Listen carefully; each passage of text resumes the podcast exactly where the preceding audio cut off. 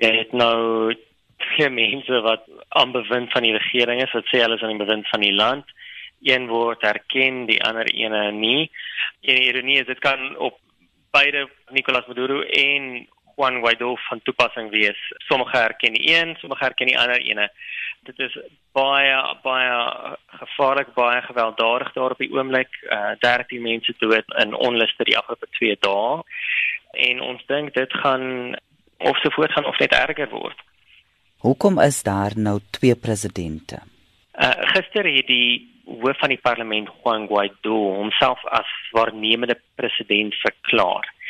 Maduro is natuurlik 10 Januarie is hy ingehuldig vir nog 'n termyn. Baie lande in die wêreld het gesê hulle erken nie dit nie, hulle erken nie die verkiesing wat hom verkies het nie waar die posisie ook die verkiesing geboikot het. So Guaido sê toe weet hy is die waarnemende president, hulle beheer natuurlik die parlement, die oppositie en basies verklaar hulle die regering van Nicolas Maduro ongeldig en onwettig. En dit het 'n hele ketting reaksie veroorsaak van lande reg oor die wêreld wat dit erken het. Jy het Amerika, jy het Brasilië, 'n uh, paar Europese lande soos Frankryk en dit te midde van wye onluste wat weer daar begin het honderde duisende mense in die strate in Venezuela. Nou hoe voel en het die inwoners gereageer op die politieke situasie van die afgelope dag of twee?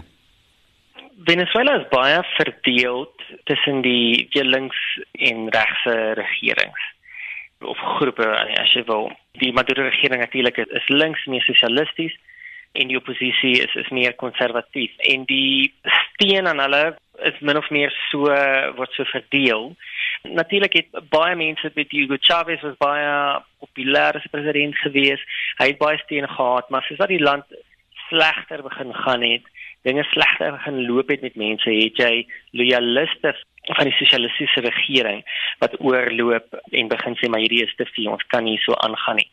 So as jy honderde duisende mense in die strate het terwyl hulle weet daar's risiko's, die polisie gaan hulle skiet, weet hulle gaan dalk in hegtenis geneem word, baie brutale autoriteite dit sien nog ons iets van hoe kwaad mense moet wees teenoor 'n regering, hoe ongelukkig hulle moet wees as hulle sulke risiko's neem.